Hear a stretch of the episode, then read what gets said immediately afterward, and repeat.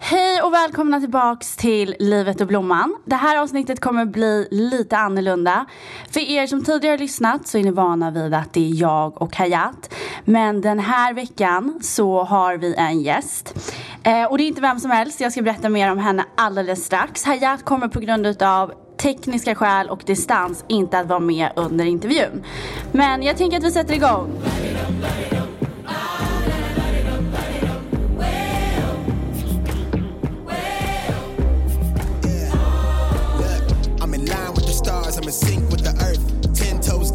Child from the turf. I never switch sides, like even when I die, I'ma ride for the squad, let her ties in the hearse. I never so packed for the stack, never lied on the rap, got a bag from the way that I write it. Queen looking Tyson, do that I survived, doing 80 to the house, then I hit her to the sky. Nu har vi veckans gäst här hos oss och hon är vår andra gäst i podcasten och eh, hon är uppvuxen i Sverige men bosatt i New York sedan 30 år tillbaka. Hon har varit VD i tio år för en av Skandinaviens främsta designbyråer. Hon är grundaren av Mindfulness Intelligence och jobbar som coach med fokus på mindträning och ledarskap. Hon coachar både privatpersoner, högt uppsatta ledare och har bland annat coachat the US Army, the Air Force, the FBI och the National Guard. Välkommen till Livet och Blomman, Linda Björk!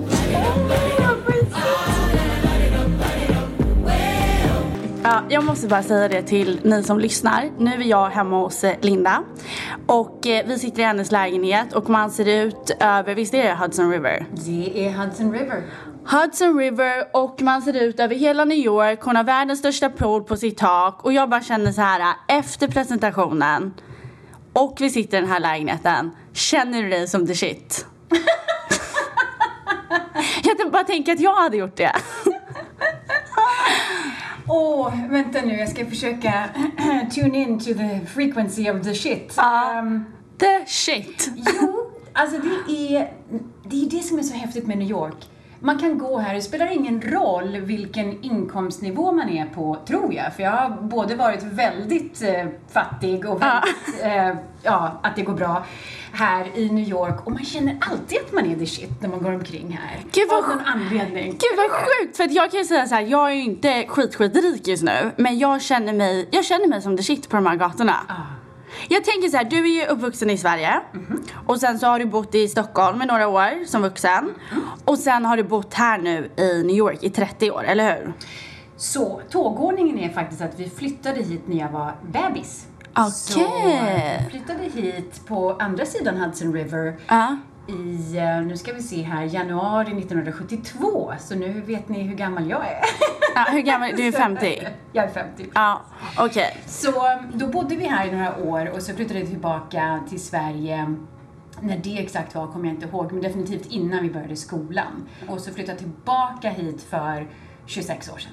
Ja, det är så, så coolt. Och jag tänker så här, idag jobbar ju du som eh, coach eh, och du är grundare för Mindfulness Intelligence och vi ska ju prata mer om det. Jag tänker att du ska få ge oss lite juicy tips. Eh, men jag bara känner så här, New York, jag har ju flyttat hit, jag har ju bott här förut en gång. Eh, och det kan vi faktiskt gå in på redan nu. Let's do it! Ja, jag flyttade hit för, vad är det, två och ett halvt år sedan. Ja, det måste det vara. Nästan tre år sedan. Ja. Ja, och då ska ni veta att då var jag på en plats i mitt liv då jag jobbade på BMW Sveriges marknadsavdelning. Och jag- mitt kontrakt höll på att löpa ut där och jag var så här, kommer jag få förlängning? Vill jag vara kvar? Utav någon anledning så var jag så här, jag måste till New York. Och eh, nu är det här jättekonstigt och inte, jag vill inte vara disrespectful mot Gud på något sätt. Men utav någon anledning så ber jag alltid mina bästa böner när jag är på toa. Det är någon typ av letting go som händer. Det är någon typ av letting go. Eh, Så då sitter jag på toa och så bara säger jag så här, gode gud, jag har två veckor, sen vet jag inte vad som händer. Jag vill flytta till New York. Jag behöver ett jobb. Jag behöver ett jobb. Ehm, och då kan man ju kortfattat berätta att min mamma är uppvuxen i Umeå. Och du är uppvuxen i Umeå. Och ni, eh, vet ni igen, eh, kände varandra Ja, som barn. Som barn kände vi Ja. varandra. Eh, och då så lägger hon ut på sin Facebook-status och säger att så här, min dotter söker ett jobb inom det här och det här. Eh, varpå du eh, skriver en kommentar och säger be henne kontakta mig. Och mamma kommer liksom, och den här kvinnan är liksom the shit från New York. Hon är lite intresserad av att få kontakt med dig. Hör av dig till henne. Och sen så börjar jag så här, men gud är det här, alltså skämtar världen med mig nu? Alltså vadå kan man, nu, nu kan man börja önska sig allt. Bilar, smycken, det här verkar ju fan funka. så då, då vet ni igen, ehm, kontaktar vi varandra och då är du i Stockholm utav en slump. Ja, det är sant. Och vi ses på en lunch Mm. och jag berättar om mina erfarenheter. Och du säger, eh, okej men låt oss ha liksom två intervjuer till över telefon. Jag kommer åka tillbaka till New York. Och redan där kände jag så här, nu är det kört. Nu drar hon, nu blir det ingenting för mig. men eh, så har vi de här intervjuerna och eh, så kommer jag ihåg på andra intervjun så säger du så här, okej, you got the job, kan du flytta om två veckor? Och, och jag är så här, är hon lite sinnessjuk eller är jag lite sinnessjuk eller är livet lite sinnessjukt? Um, och då började, fick jag mitt första jobb i New York hos dig då jag jobbade som PA. Ja. Och för er som inte vet vad det är så är det ju att man är närmast assistent till vdn och hjälper till med allt mellan himmel och jord. Med allt mellan himmel och jord. Ja. Eh, och jag bara tänker att eh, jag måste fråga dig, för det är en grej jag har tänkt på så många gånger efter det. Den... Du skannade inte igenom något CV i flera dagar och velade fram och tillbaka. Ska jag anställa? Ska jag flyga över henne? Den där tilliten, Ja. var kommer den ifrån? Alltså den där tilliten, den... Ja, åter, jag är ju då dubbelt så gammal som du är. Ja. Så jag har ju hunnit göra en hel del missar. Jag har hunnit ehm, göra beslut baserat på att titta på CV. Ehm, och jag har gjort beslut där jag inte har varit närvarande. Så det finns alltså... Jag har exempel i mig själv där jag där allting ser jättebra ut på papper. Jag tänker speciellt på en snubbe som jag anställde till den här designbyrån i, i Stockholm. Och ehm, allting var suveränt på papper. Och han såg bra, bra ut också. Ehm, inte för att det var något speciellt av intresse, men du vet ibland så, så eh, någon liksom, oh they look the part. Ehm, Och så har de rätt typ av grejer på CVt. Och så träffades vi på lunch och vi var utomhus. Men det var inte speciellt soligt, men han hade solglasögon på sig hela tiden. Ja. Och det var någonting med det där att han hade solglasögon på sig när vi skulle connecta och han ville ha ett jobb på min byrå. Som borde ha varit en red flag, men jag var så himla stressad och inte där, jag var inte närvarande, anställde snubben och det var ett jäkligt stort misstag. Ja. Genom hela processen. Och då var papprena liksom, han var toppkandidat. toppkandidat, men jag var inte närvarande vid själva processen av att connecta och anställa honom. Och jag gör inte om det misstaget. Jag är alltid närvarande. Det var en grej du gjorde under den här lunchen som satte sig i mitt minne. Därför att det var någon som, det var servitrisen var någon du kände sen förr. Och, och det var no, sättet du pratade med henne, både som någon du kände men också som en servitris, som jag kände att du visste hur man pratar med alla. Och sen var du inte nöjd med maten. Nej, ja, gud, du kommer ihåg det här. Ja.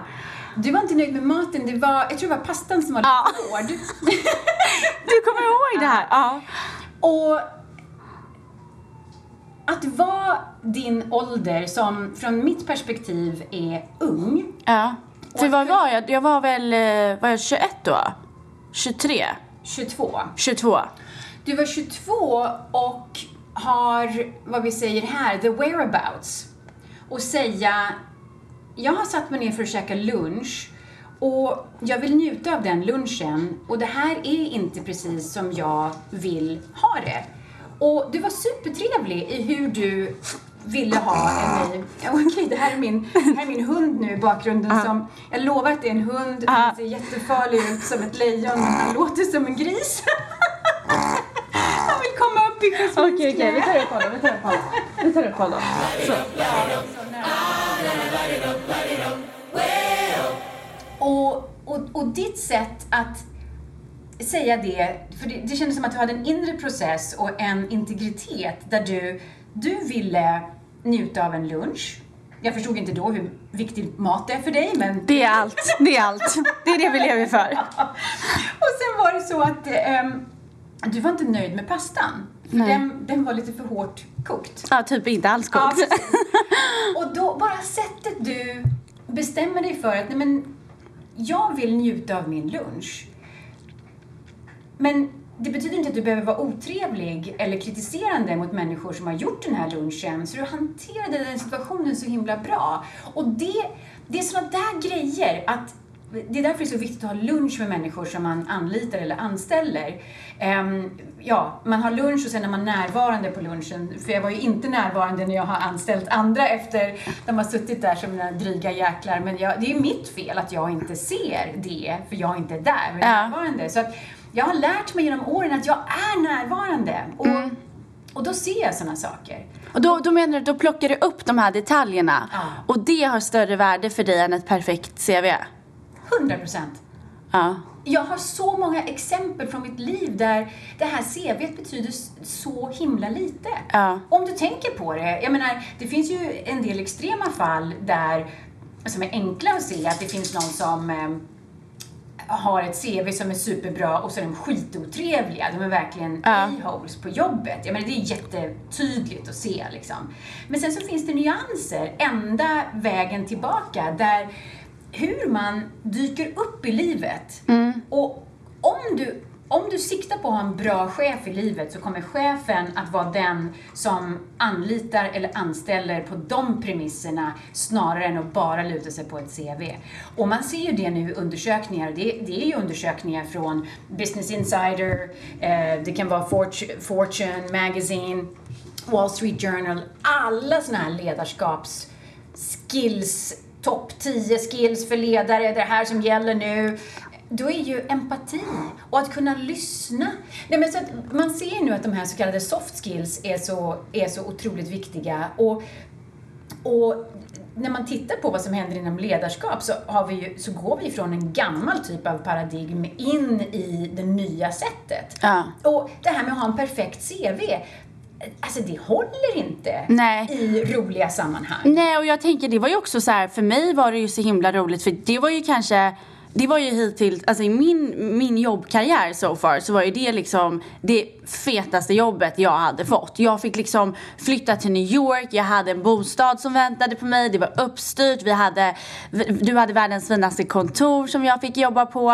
Eh, och, eh, och, och det var ju liksom baserat på på, på, på, mitt intryck jag gav. Och ja. det tycker jag är en sån fin, det var anledningen till varför jag ville dela det. För att det, det, finns, ju, ehm, det finns ju möjligheter i, i att också eh, vara bara sig liksom, och våga vara det. Och inte luta sig tillbaks för mycket på CVt.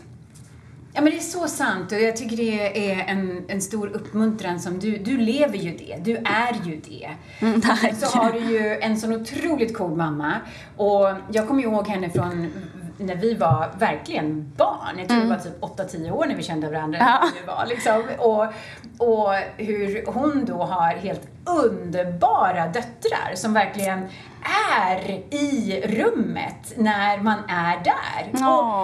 Och, och hur ovanligt det faktiskt är. Så jag, jag, ehm, och vad jag har lärt mig då under tiden, och du är ytterligare ett exempel på det, är att hittar jag någon som har den här integriteten, som vet vad kvalitet är, som förstår hur man rör sig i ett rum, då kommer, är det detaljer av saker som jag sen tekniskt måste lära dem, så är det det lätta. Det är superlätt att lära ut den biten. Ja. Men det är, det är mycket, mycket svårare att, att lära någon integritet än hur Monday.com funkar. Ja, men det, det, det är ganska strategiskt smart att tänka så. För jag vet att när jag började jobba hos dig så var det ju, även om du är svensk så, så är du också amerikan. Och, och, och du är väldigt, väldigt snabb. Du är väldigt, väldigt snabb. Och det kommer jag ihåg var det, det, det svåraste, eller min största utmaning var att jag skulle underlätta ditt liv. Men din hastighet var så, så, så det var liksom, hur ska det här gynna henne? Och, och det, jag fick ju också träna upp min hastighet. Och och jag kommer ihåg att min första dag på jobbet så hade jag, eh, jag hade råkat ha någon nyckel som du behövde och du skulle på något möte. Och jag sprang liksom efter dig för att komma ikapp till ditt möte för du skulle ha något, du skulle ha den här nyckeln och något papper från mig.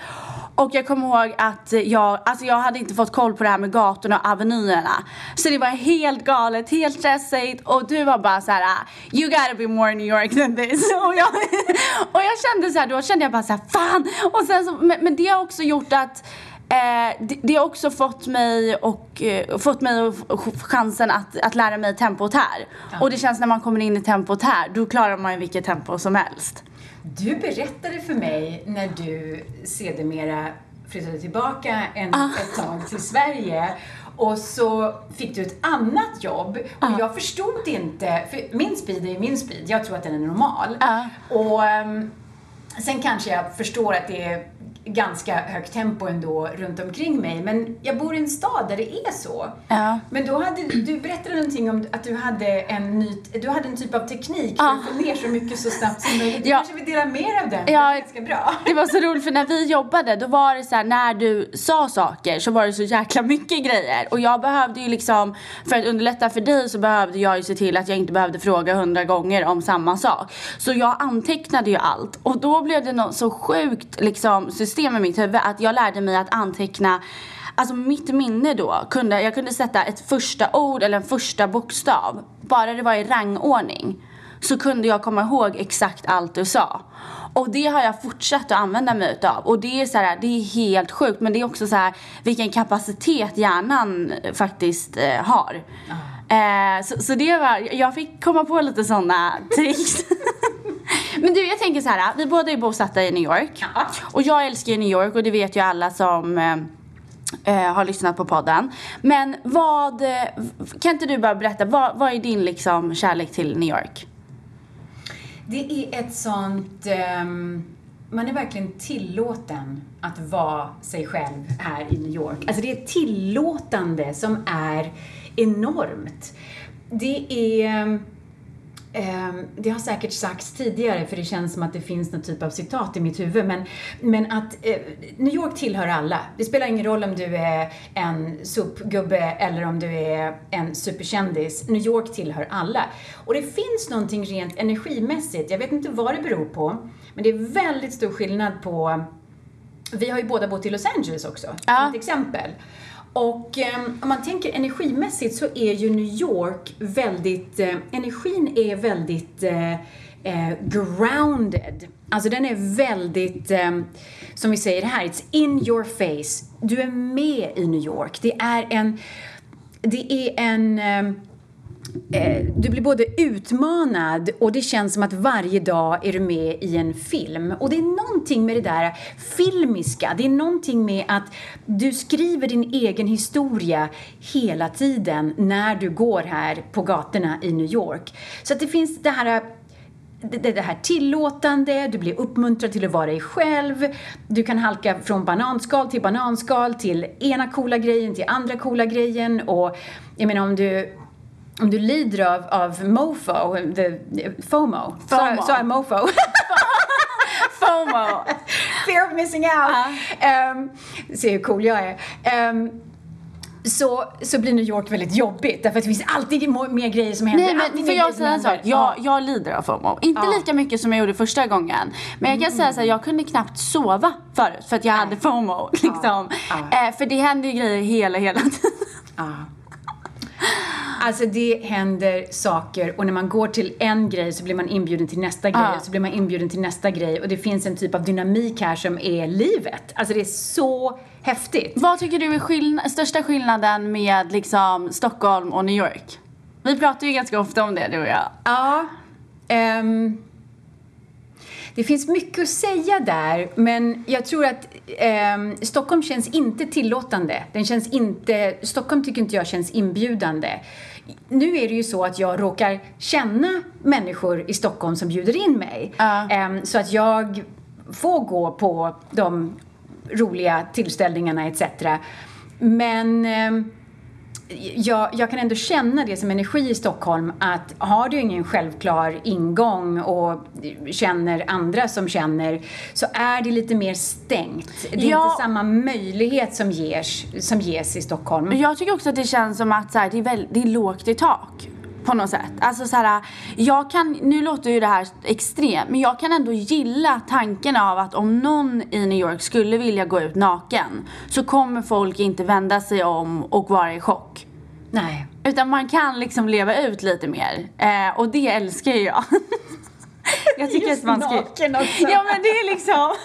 Nej men alltså det, det, är, det finns ju någonting homogent med Sverige som gör oss trygga. Ja. Ehm, och det kan vara mysigt, Men när det finns en avsaknad av homogenitet så, så har vi också möjlighet. Jag menar, jag gick förbi en snubbe bara häromdagen som hade eh, som, som gjorde någon form av uppåtarmhävningar på eh, övergångsstället, du vet där, där eh, herr Gåman så att säga eh, eh, kommer, så, så liksom, va? Använder det här som ett gym? Det är ingen som skulle göra Nej. i, i Stockholm. Och jag säger inte att jag är liksom pro använda herr Gåman som gym, men det var vad han ville göra. Ja. Och det finns någonting just det här, återigen, det är tillåtande. Ja. Och då får man möjlighet att, att förstå vem man egentligen är.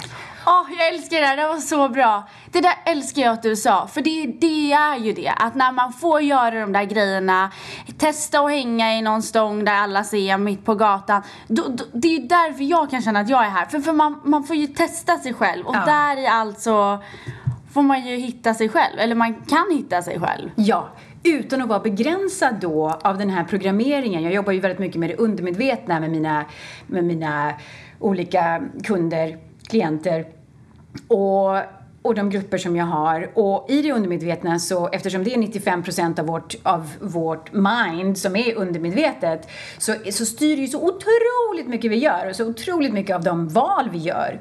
Och har vi då en begränsning i att vad ska grannarna säga, programmeringen som lägger locket på, då får vi inte riktigt utrymme att utforska oss sj- oss själva. Och det är en jätte, jättestor skillnad. Sen är det ju också mycket mer cutthroat här. Det finns inget stort skyddsnät som Nej. kommer att hålla i dig. Så det finns ju en det finns ju en uppåtskruvad negativ sida till New York där folk inte stannar och stannar upp och kanske är närvarande på ett sätt som, som de skulle behöva vara. Men det är ju där jag ofta kommer in i, Exakt, i, i exakt. bilden. Så att eh, nej, det är stor skillnad på New York och Stockholm. Ja. Men thank God så är det så många från Stockholm som älskar att åka till New York. Så att eh, man känner alltid att man har med sig en liten bit av Stockholm här. Ja, ja men det är så roligt.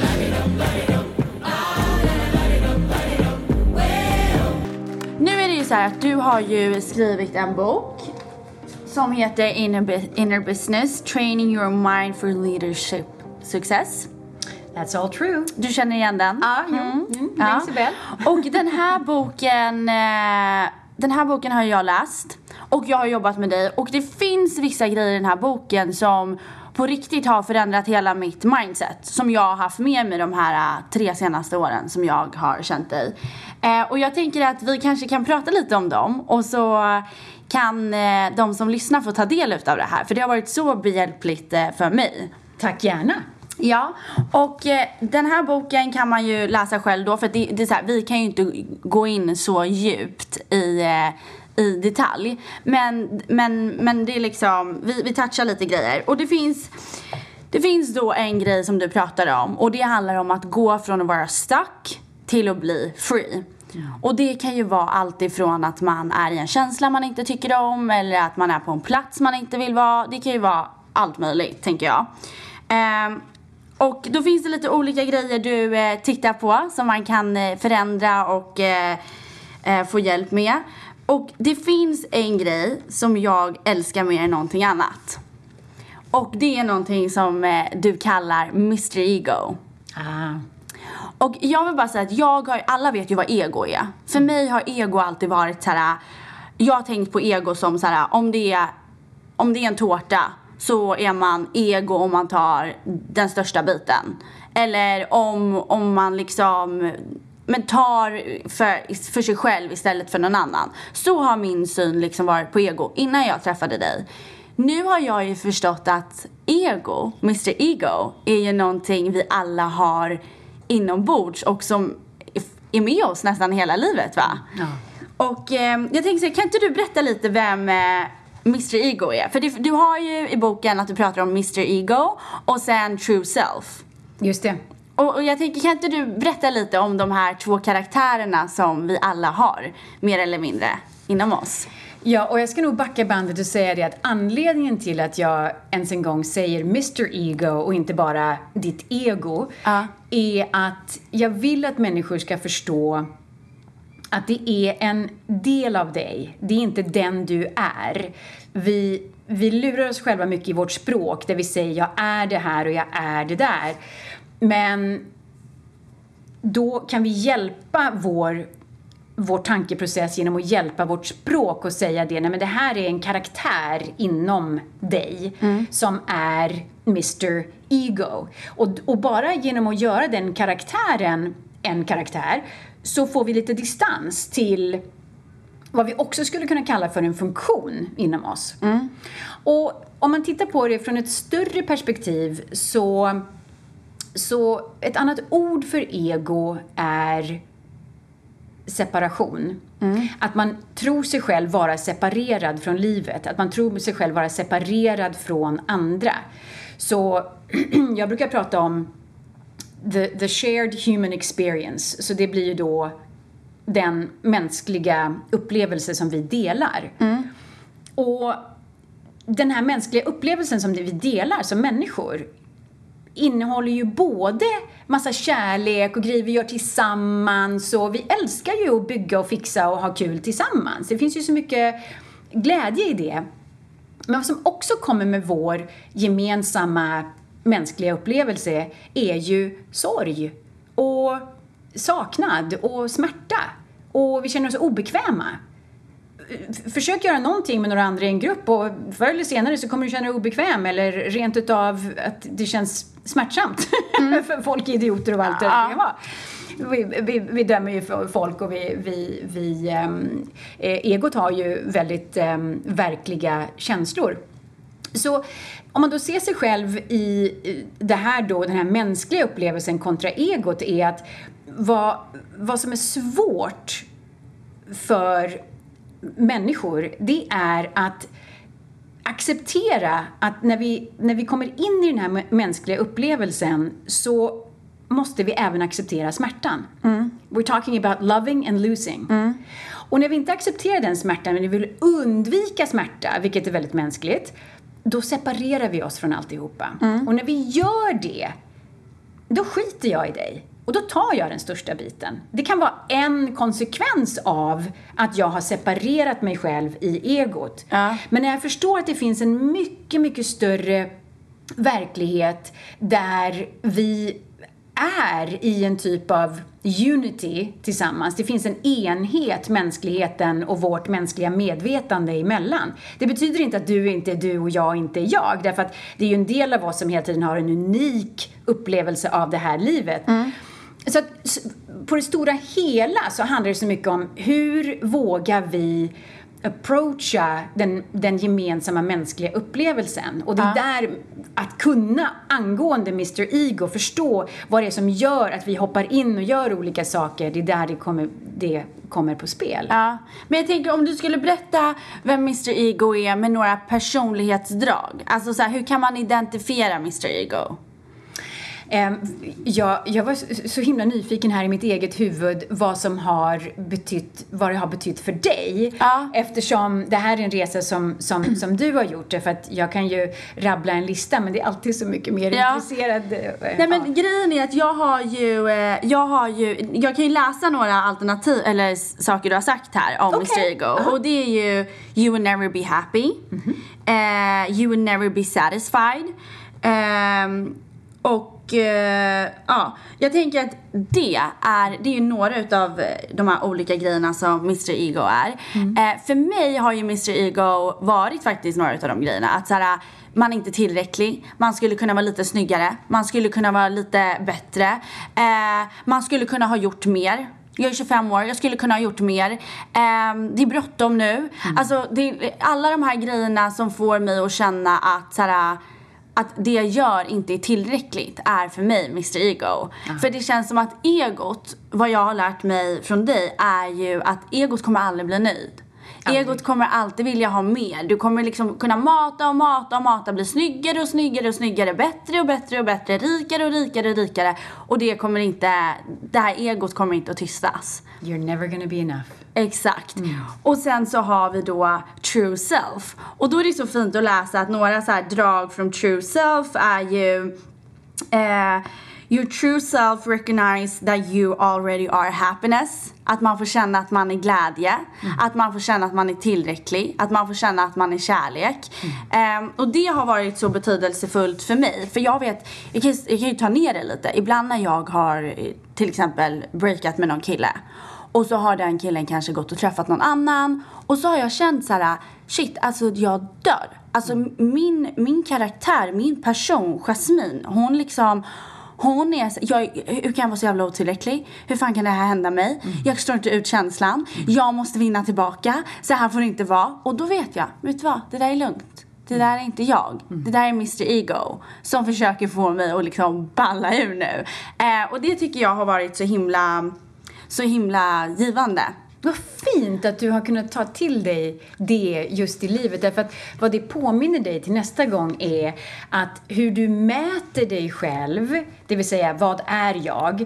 Ehm, hur du mäter dig ehm, är någonting som du då faktiskt måste flytta från egomätningar till dina true self mätningar. Vad är ditt sanna jag? Vad är det som egentligen gäller för dig i livet? Ja. Och för dig vet jag ju att det gäller jätte... För dig är det så otroligt eh, viktigt med relationer. Mm. Och och hur du skapar relationer och hur du är med i, i en... Det är som ett flöde av människor och möten som du bara älskar. Ja, men ja. Det är ju ditt sanna jag som pratar när, när Jasmine säger det. Exakt. Och sen så kan det ju vara skitkul att ha snyggaste killen, snyggaste handväskan, snyggaste ögonbrynen och allt vad vi håller på med idag.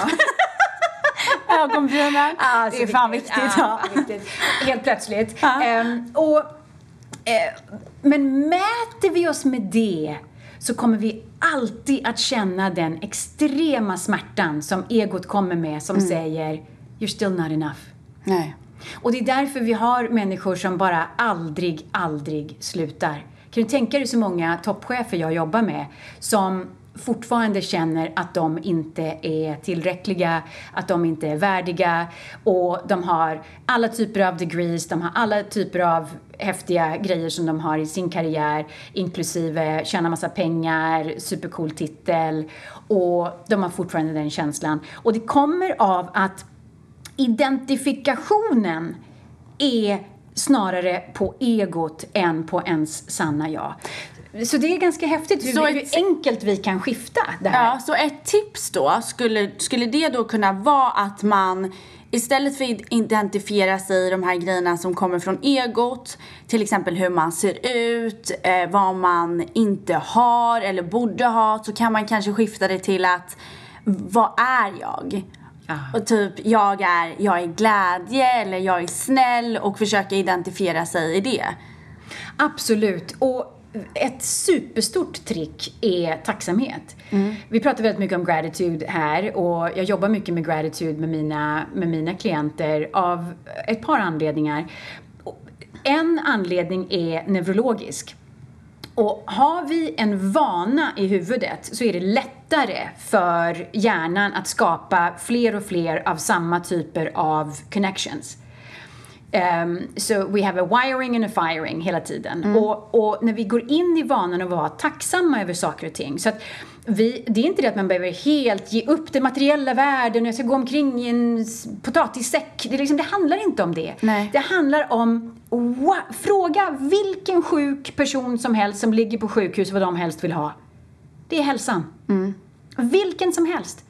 Det är det finaste vi har. Så jag menar, man kan ju vara missnöjd med att man inte fick jordens snyggaste ögon. Du har så fina ögon. Tack, men, men, men tänk då de som inte har det. Ja. Ehm, så, så tittar man på sina, på sina egna ögon och bara nej, åh jag skulle ha bättre ögonfransar och finare form och mina ögonlock börjar hänga och alla de här.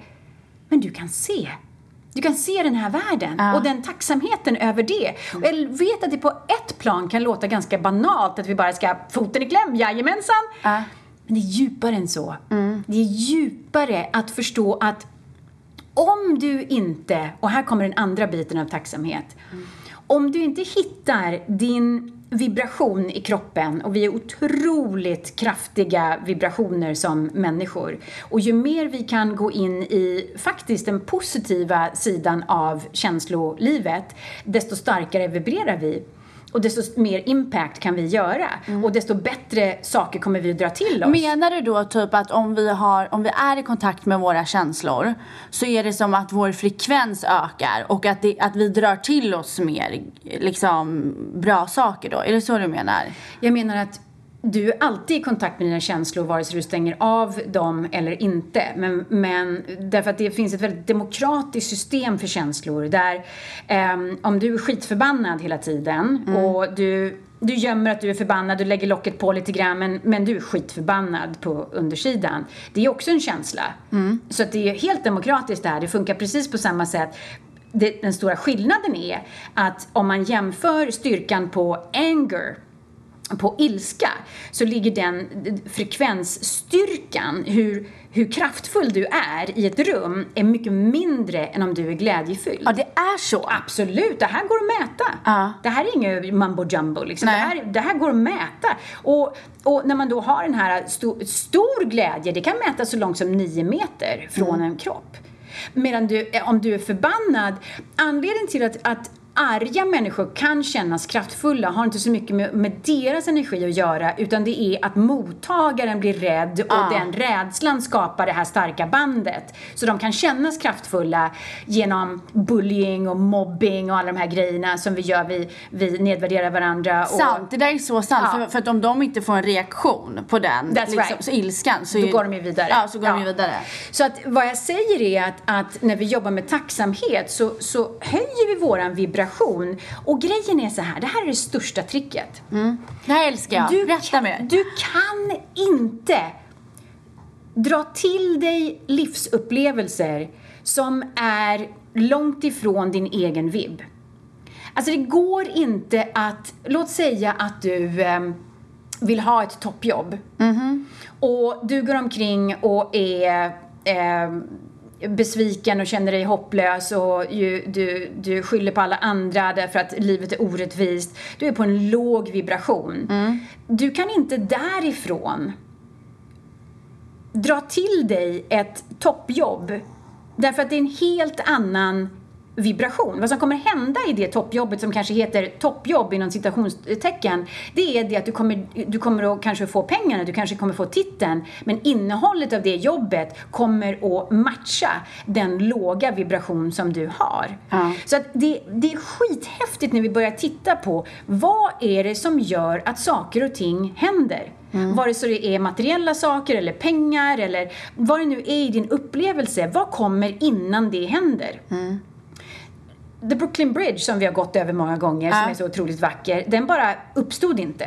Nej. Det var någon som hade den idén, det var någon som hade kanske en gudomlig idé av "Åh, nu, nu är det för hundratals år sedan och eh, det här har aldrig gjorts tidigare men jag har den här in, inspirationen, inspired, in spirit, idén. Och, och så så, så det börjar alltid i en abstrakt energiform. Allting som formas i världen börjar i abstraktion. Ja. Så det jag jobbar mycket med och när vi kommer lite längre i de här programmen som jag har så tittar vi på vad heter och vad, vad innebär källan till all energi? Hur funkar energi när det väl har blivit energi? Vi kan också kalla det för plasma.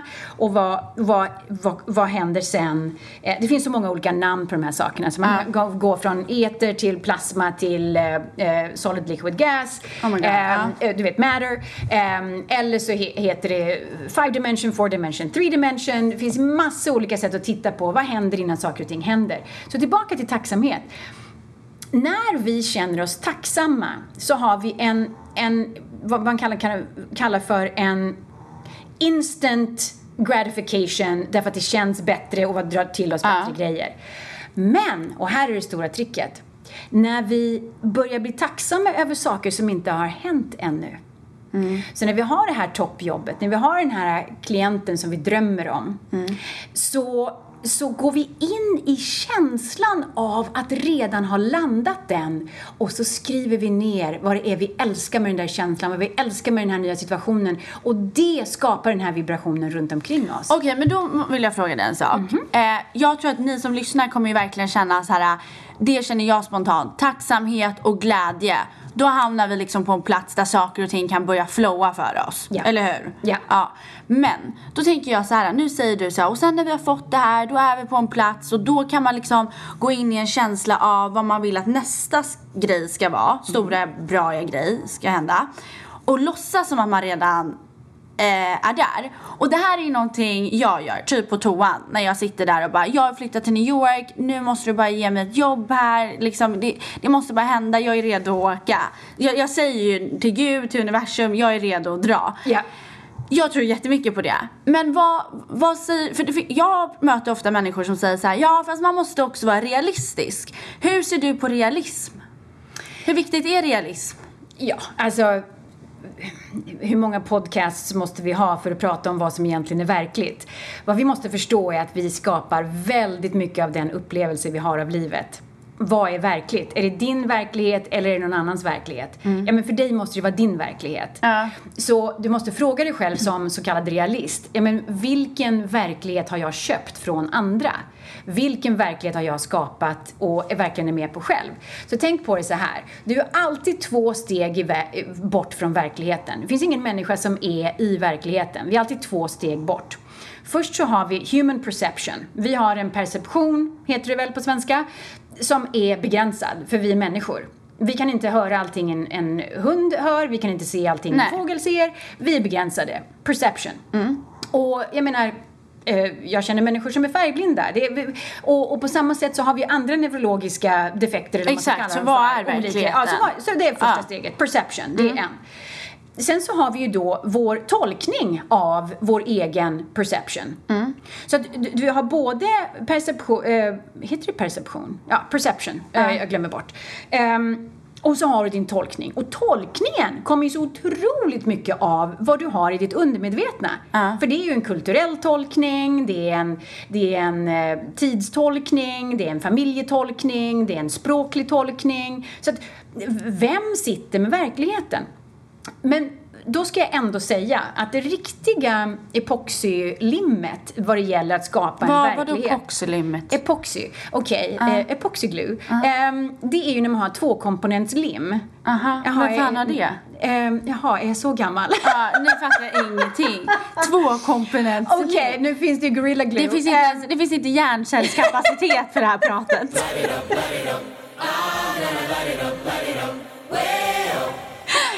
De här två komponenterna är din egen intention. Mm. Och den kommer från din hjärna. Det är det här du kan gå, hoppa på realisttåget om du vill och du skapar dina egna begränsningar. Om du känner dig bekväm med dina e- egna begränsningar, go for it. Men det är din intention. Du måste ha en specifik intention.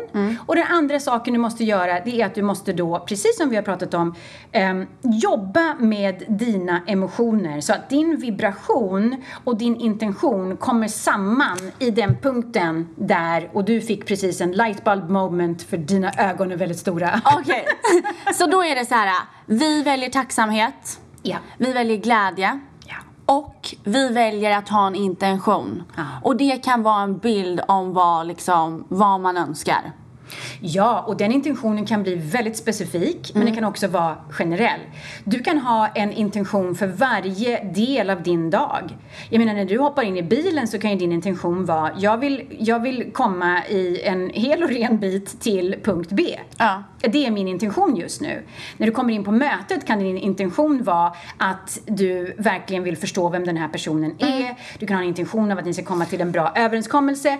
Så att intentionen kan bli väldigt specifik. Men som människa kan du ju ha övergripande intentioner om att ehm, eh, vara en upplyftande person till exempel. Det är din eh, intention. Mm. Så hur du jobbar med dina intentioner är någonting som du verkligen måste, det är ett jobb vi Ja. gör och Ja. vi sätter de intentionerna. Men och då- ibland handlar det om att få ett specifikt jobb eller, men det som är så häftigt när man börjar jobba med det här, det är det att det är väldigt sällan det specifika vi är ute efter, det är mycket mer ofta känslan. Så vad vi säger då är att när vi vill ha någonting Exakt! My god, det är så sant. vi vill inte ha grejer för att vi tror, det enda anledningen vi vill ha grejer det är att vi tror att vi kommer känna oss bättre när vi har den. Ja, känna oss bättre. Ja, känna oss Ja. bättre. Ja. Men det där gillar så, så det du säger med andra ord är att så här, du som ändå är coach och så hjälper folk som är framgångsrika och har lyckats, vill lyckas. Om man nu vill uppnå massa grejer, oavsett om det är att åka zipline i Amazonas eller att bli liksom nya grundaren för typ Amazon eller något liknande. Är det är inte skitviktigt att vara realistisk. Nej. Utan det är mer viktigt att man sätter en intention och väljer att tro på det. Ja. Okej, amen. Love it. Och jag skulle kunna sätta en liten nyans på det. Och det är att säga, gör det som känns naturligt för dig. Jag menar, om du säger till mig eh, som inte är speciellt lång att din nästa stora grej är att bli eh, basketstjärna. Så, så kommer jag fråga, känns det naturligt för dig? Och jag är ganska säker på att du kommer säga nej. Det känns inte naturligt. Nej, det känns inte naturligt. Det finns superkorta killar vet jag åtminstone i NBA. Och, men det känns naturligt för dem. Så det är realistiskt sett så kan det ju inte vara, det finns ju de som är typ min längd som inte är speciellt lång heller. Som alltså är under 1,70 och de är med i NBA. Men det känns naturligt för dem. Men vet du, det här är faktiskt sant. För, det är så här, för då kan man ju tänka så här, ja men hur skulle det kännas naturligt att vara massa saker som man inte är? Fast då kan jag ge ett exempel. För till exempel, jag har ju, jag vill ju såklart eh, hitta lyckan i eh, en passion som jag har och bli framgångsrik i det. Att folk tycker att jag är jätteduktig och jättebra på det jag gör och jag älskar det jag gör och jag har god ekonomi och jag bor i USA, jag har kanske en lägenhet i New York och i LA. Åh, älskar tanken. Det här är ju nu väldigt långt bort. Men det kan ändå så här, om jag, om jag leker med tanken så kan det ändå kännas naturligt för mig. Det kan kännas naturligt. Sen skulle jag kunna tänka så här. Ja, men skulle jag kunna vara liksom eh, VD för Avanza? Ett aktieföretag. Och liksom vara skitframgångsrik, ha, säkert ha massa pengar, ha jättekul. Nej, där kan jag inte se mig själv. Uh, för för jag, jag kan inte vara naturlig i en sån roll. Och det är ett ganska bra sätt att mäta sin sin ambition. Att, så här, att fråga sig själv, vänta, jag vet att det här är långt bort men känns det naturligt för mig om, jag, om jag leker med fantasin? Ja. För då vet man ju lite så här, ja, liksom det kan nog gå och det kan nog inte gå. För, man, för jag tänker ändå att man måste vara sann i vad, vad man önskar. Att så här, det här tror jag faktiskt går att uppnå. 100 procent. Och det som är så häftigt också när du pratar om det här med att vara framgångsrik och New York, LA, människor. ehm, det finns någonting bakom det. Vad är det som gör att du vill vara i den situationen? Vad är det för känslor bakom det? Vad är det för typ, hur skulle du kunna smaksätta den dynamiken? Och grejen är att du lever redan det idag. Gud tack, det låter så bra. Ja! Och sen, och, sen, och sen ändras formatet. Den tredimensionella världen är jättelångsam. Så den hinner liksom Men du inte har lika... ju faktiskt sant, för jag åker till LA och har vänner där. Jag är bland folk, men jag har kanske inte det där huset och jag har kanske inte hittat den där passionen. Men jag lever ju i samma liksom flow. Ja. Så det, det ligger ju ändå nära då. Det gör det och det är det enda sättet för dig att komma dit du vill komma. Det Ja. är att fortsätta sitta och gå, leva i den energi du redan håller på att skapa här. Mm. Eh, Det är därför jag är på dig lite grann ibland. Men, ja, men vad är bakom det? Ja, liksom? Och- exakt. Ja. Och då till alla som lyssnar då, då ska man bara känna så här att man ska våga ha en ambition, känna att det känns rätt även om det känns långt bort och ha tacksamhet med sig och glädje så att man liksom attraherar folk runt omkring sig som kan bidra till att man kommer iväg på den här drömresan som man har då kanske. Ja, och att det känns naturligt. Jag skulle vilja lägga till en till sak. Man måste ha en stor skopa humor vad det gäller sig själv. Alltså man måste verkligen kunna garva åt sig själv i processen. För vi kommer att misslyckas en massa. Vi kommer att ha massa olika tillfällen där vi, där vi känner att vi ser ut som, eh, alltså gud vad många misslyckanden jag har gjort i livet. Och den stunden där jag kände det att, nej men jag kan ju välja att garva åt det här. Lite distans tack. Ja. Alltså man behöver inte ta sig själv på sånt himla stort allvar. Nej. Vi leker, vi provar. Det kanske finns grejer som folk har hört från, från eh, vårt snack nu. Där de säger, men, jag vet inte om jag tror på det där, jag vet inte om jag köper det. Men köp eller inte köp, prova, lek. Se om det funkar för dig, se hur det känns. Får du bättre kvalitet av livet, Ja. ge det en chans.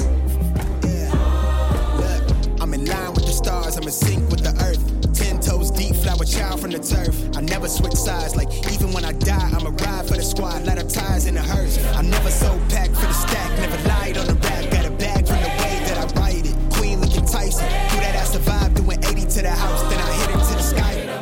Sen har vi en till grej. Jag tycker vi ska hinna toucha, nu har vi lite ont om tid, men vi ska hinna toucha några grejer till. Och det är en grej som jag också haft med mig jättemycket. Och det är att du har som en liten steg i din bok där du pratar om Life happens to me, Life happens for me, Life happens through me. Och det här kan man ju tänka sig, vad är det här då? Men kan inte du berätta kort vad skillnaden är på de här tre? Absolut. Vårt eh, programmerade grundtillstånd det är att life happens to me. Och det är svårt att översätta det här till svenska därför att prepositionerna är bara så himla bra på, på engelska. Ja. Så men det handlar om hur livet händer. Och when life happens to me så är jag i en mottagande roll där jag är ett offer. Jag sitter med andra ord i baksätet av en bil, någon annan kör, jag klagar på hur de kör, jag känner mig väldigt spänd för vi åker inte dit jag vill att vi ska åka. Och det är det, det är en, jag säger att det är en grundinställning därför att tyvärr så är det väldigt många naturligt som återigen genom programmering har lärt sig att vara ett offer. Det är en del av våran arketyptillstånd som människor. Och ehm, det är otroligt ehm, Eh, vi är alltid spända här. Därför att vi litar inte på någon och vi litar definitivt inte på att livet ska vara gott. Nej. När vi gör en jätteenkel men stor switch inom oss själva och vi går från, återigen, vi leker, vi, we're trying it on for size, life happens for me, så bestämmer vi oss för det här är ingenting man behöver, åh jag ska träna i tio år. Nej, Nej. Det, det, det är från en sekund till en annan. Vad som än händer så tänker vi helt nytt. Livet händer för mig. Och vad vi gör då, det är att vi säger att okej, nu stängdes en dörr och när vi, har, när vi då är i Life Happens To Me så håller vi på och skyller på människor, vi är arga på att när dörren stängs, vi, vi är förbannade, vi slösar en massa energi. När vi kommer till Life Happens For Me då förstår vi att det finns en anledning att dörren stängs. Vi litar på livet. Det är okej att den stängs och vi slösar ingen energi på det utan vi tittar istället, vad är det för andra dörrar som finns här? Vad finns det för andra möjligheter? Vad har jag att lära mig av det här? Jag vet att livet någonstans vill mig väl. Det är det jag bestämmer mig för. Tillbaka till att vara realistisk eller orealistisk. Det är upp till dig. Du bestämmer dig för de här sakerna. Ja. Och vad jag säger då är att du öppnar upp otroliga vägar i din egen neurologi och din egen vibb runt omkring dig och de, de möjligheter som helt plötsligt kommer att, att komma. Och om vi bara gör det här skif- eh, skiftet från ehm, life happens to me till life happens for me, it's gonna be life changing. Ja, för jag tror att alla kan ju relatera till att så här, man har suttit och varit någon bitterkärring och bara tyckt att livet är skit och det when it rains it pours och då kommer det bara ännu mer. Och sen så väljer man så här, vet du vad, nu räcker det, nu kliver jag upp ur källaren, är lite mer positiv och då flowar det lite mer, man kanske får en ny vän eller man blir uppskattad på jobbet. Så, så den grejen kan jag verkligen tydligt se. Ja. Och här kan man ju känna då så här, life happens for me. Mhm. Att det låter jävligt bra. Men det finns ju ett nästa steg Det i det här. en. Och det här steget dör jag för. Alltså det här är ju det här är det enda man vill leva ut. Det här, Ja. det här är det enda man vill göra. Så berätta nu, vad är liksom next level på det här? Next level, då, då släpper vi verkligen taget och då säger vi life happens through me. Hörde ni det? Life happens through me. Ah.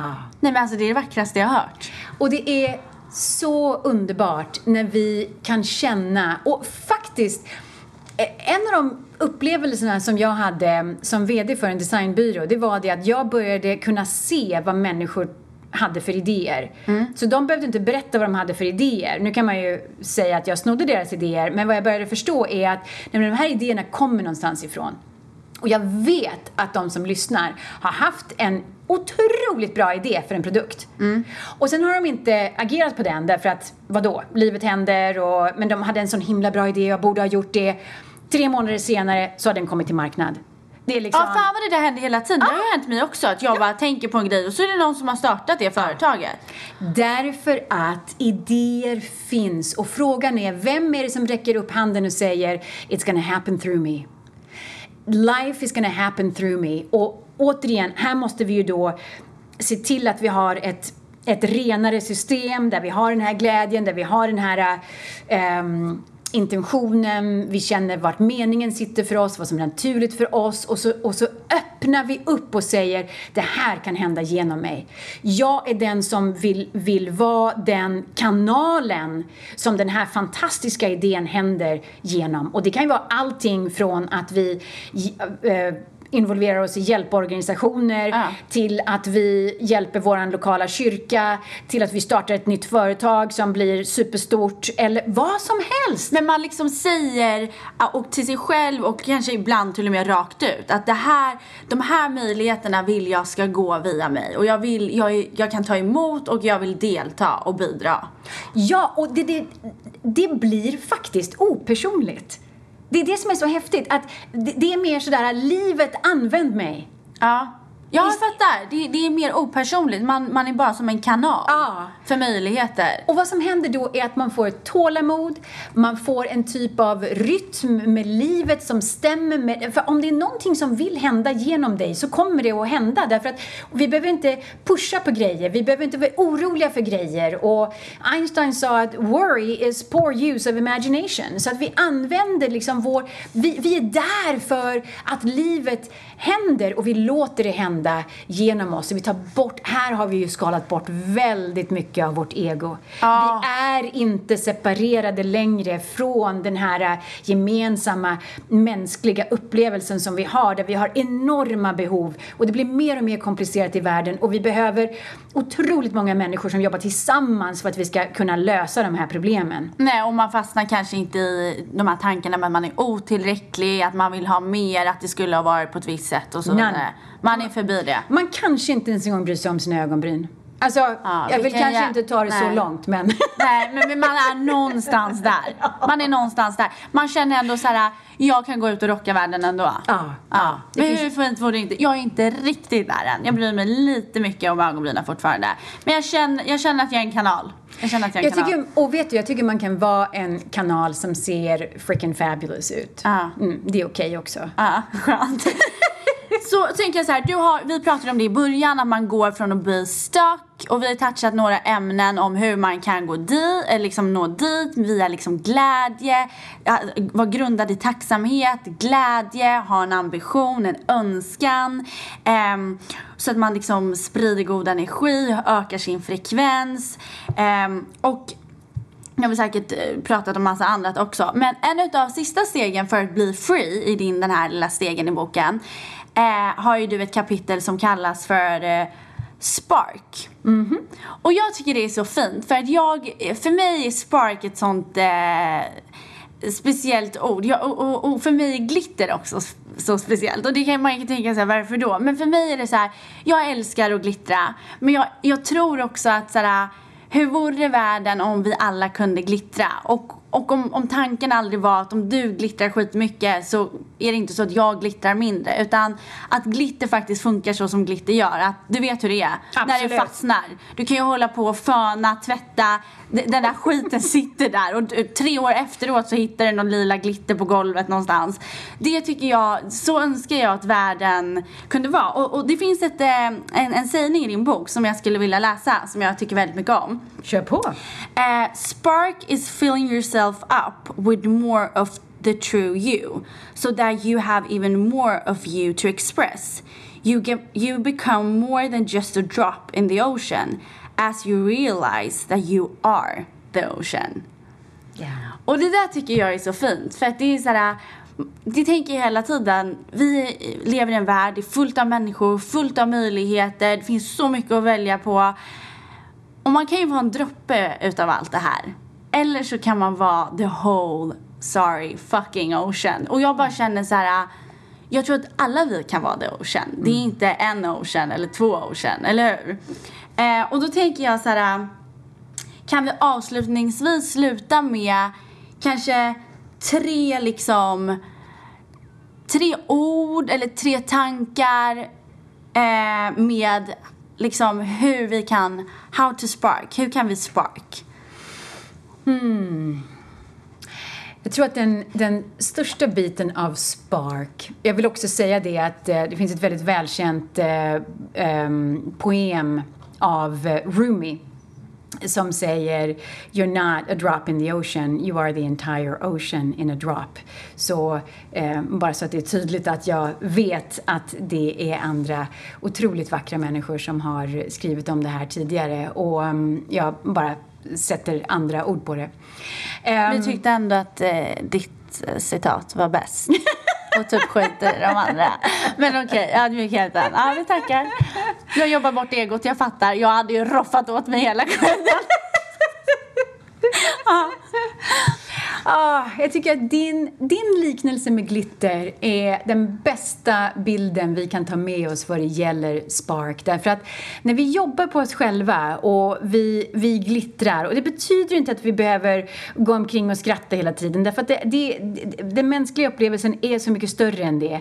Men det är någonting med, med när, vi, när vi är, vad vi säger här, in alignment, så vi är i vi är uppradade, vi är in alignment. Vad, heter alignment Ja, men typ i svenska? linje med oss, Ja. själ- mot oss själva. Ja, vår true self. Så, så är vi ju i linje med, med spirit.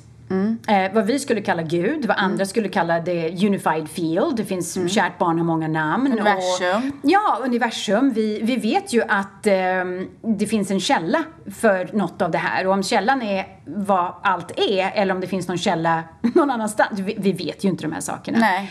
Men vi känner att det finns någonting. Så det är så intressant med ordet inspiration därför att det verkligen det betyder in spirit. Och så vad jobbet blir då och påminnelsen till oss själva och varandra när vi, när vi jobbar med våran spark och blir en liten glitterspridare det är att vara närvarande i den linjen med spirit. Så att vi faktiskt utvecklar en relation med spirit. Mm. Att vi utvecklar en relation med allt som är. Så att vi förstår att vi kan sitta här och känna av. Jag kan, jag kan sitta här och jag var verkligen inte född en häxa eller något sånt där så att jag, oh, jag är så himla psychic. Men jag kan tune in till mina klienter, jag kan tune in och känna efter vad som behövs och vad som pågår. I mötet med andra människor så gör vi det här ganska intuitivt men vi kan bara göra det om vi är närvarande. Vi kan bara göra det Exakt, närvaro. ja, ja. Så närvaro är ett stort ord. Ehm, inspiration är ett väldigt stort ord. Men vi får inte glömma bort att förstå vad det är som ger oss glädje i livet. Nej. Och vi måste veta att vi har rätt till en oändlig glädje i det här livet. Vi har blivit så programmerade, speciellt i Sverige, att vi måste lida, vi måste förtjäna saker, vi måste jobba hårt för att få det. Jag älskar att jobba hårt, men det är därför jag också ser en a return on investment, att jag jobbar hårt för att jag älskar det. Men vi, det är inte meningen att vi ska jobba oss själva in i väggen och in i döden. Utan v- hitta det som är glädjefyllt för dig, inte vad någon annan har sagt. Det är så vi, även som chef, att det finns något glädjefyllt i hur vi påverkar andras, andra människors liv. Och att vi inte glömmer bort att vi är här för varandra. Vi är här för att lyfta upp varandra. Och att vi ibland är den som behöver bli upplyft. Så vi inte glömmer bort att vi kan fråga om hjälp, att vi kan fråga någon kan inte jag få lite grann av ditt glitter? kan du ge lite av di- ditt glitter Ja. till mig? Så ja, men jag, det, det, you hit the nail on the head med din eh, glitterliknelse.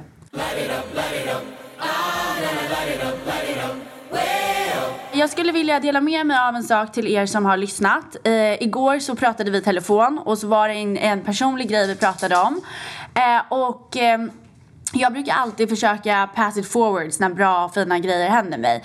Eh, så det här kanske är någonting ni vill ta med er ut i er vecka. Men då sa du till mig, eh, men om det blir bra för dig så gör vi så.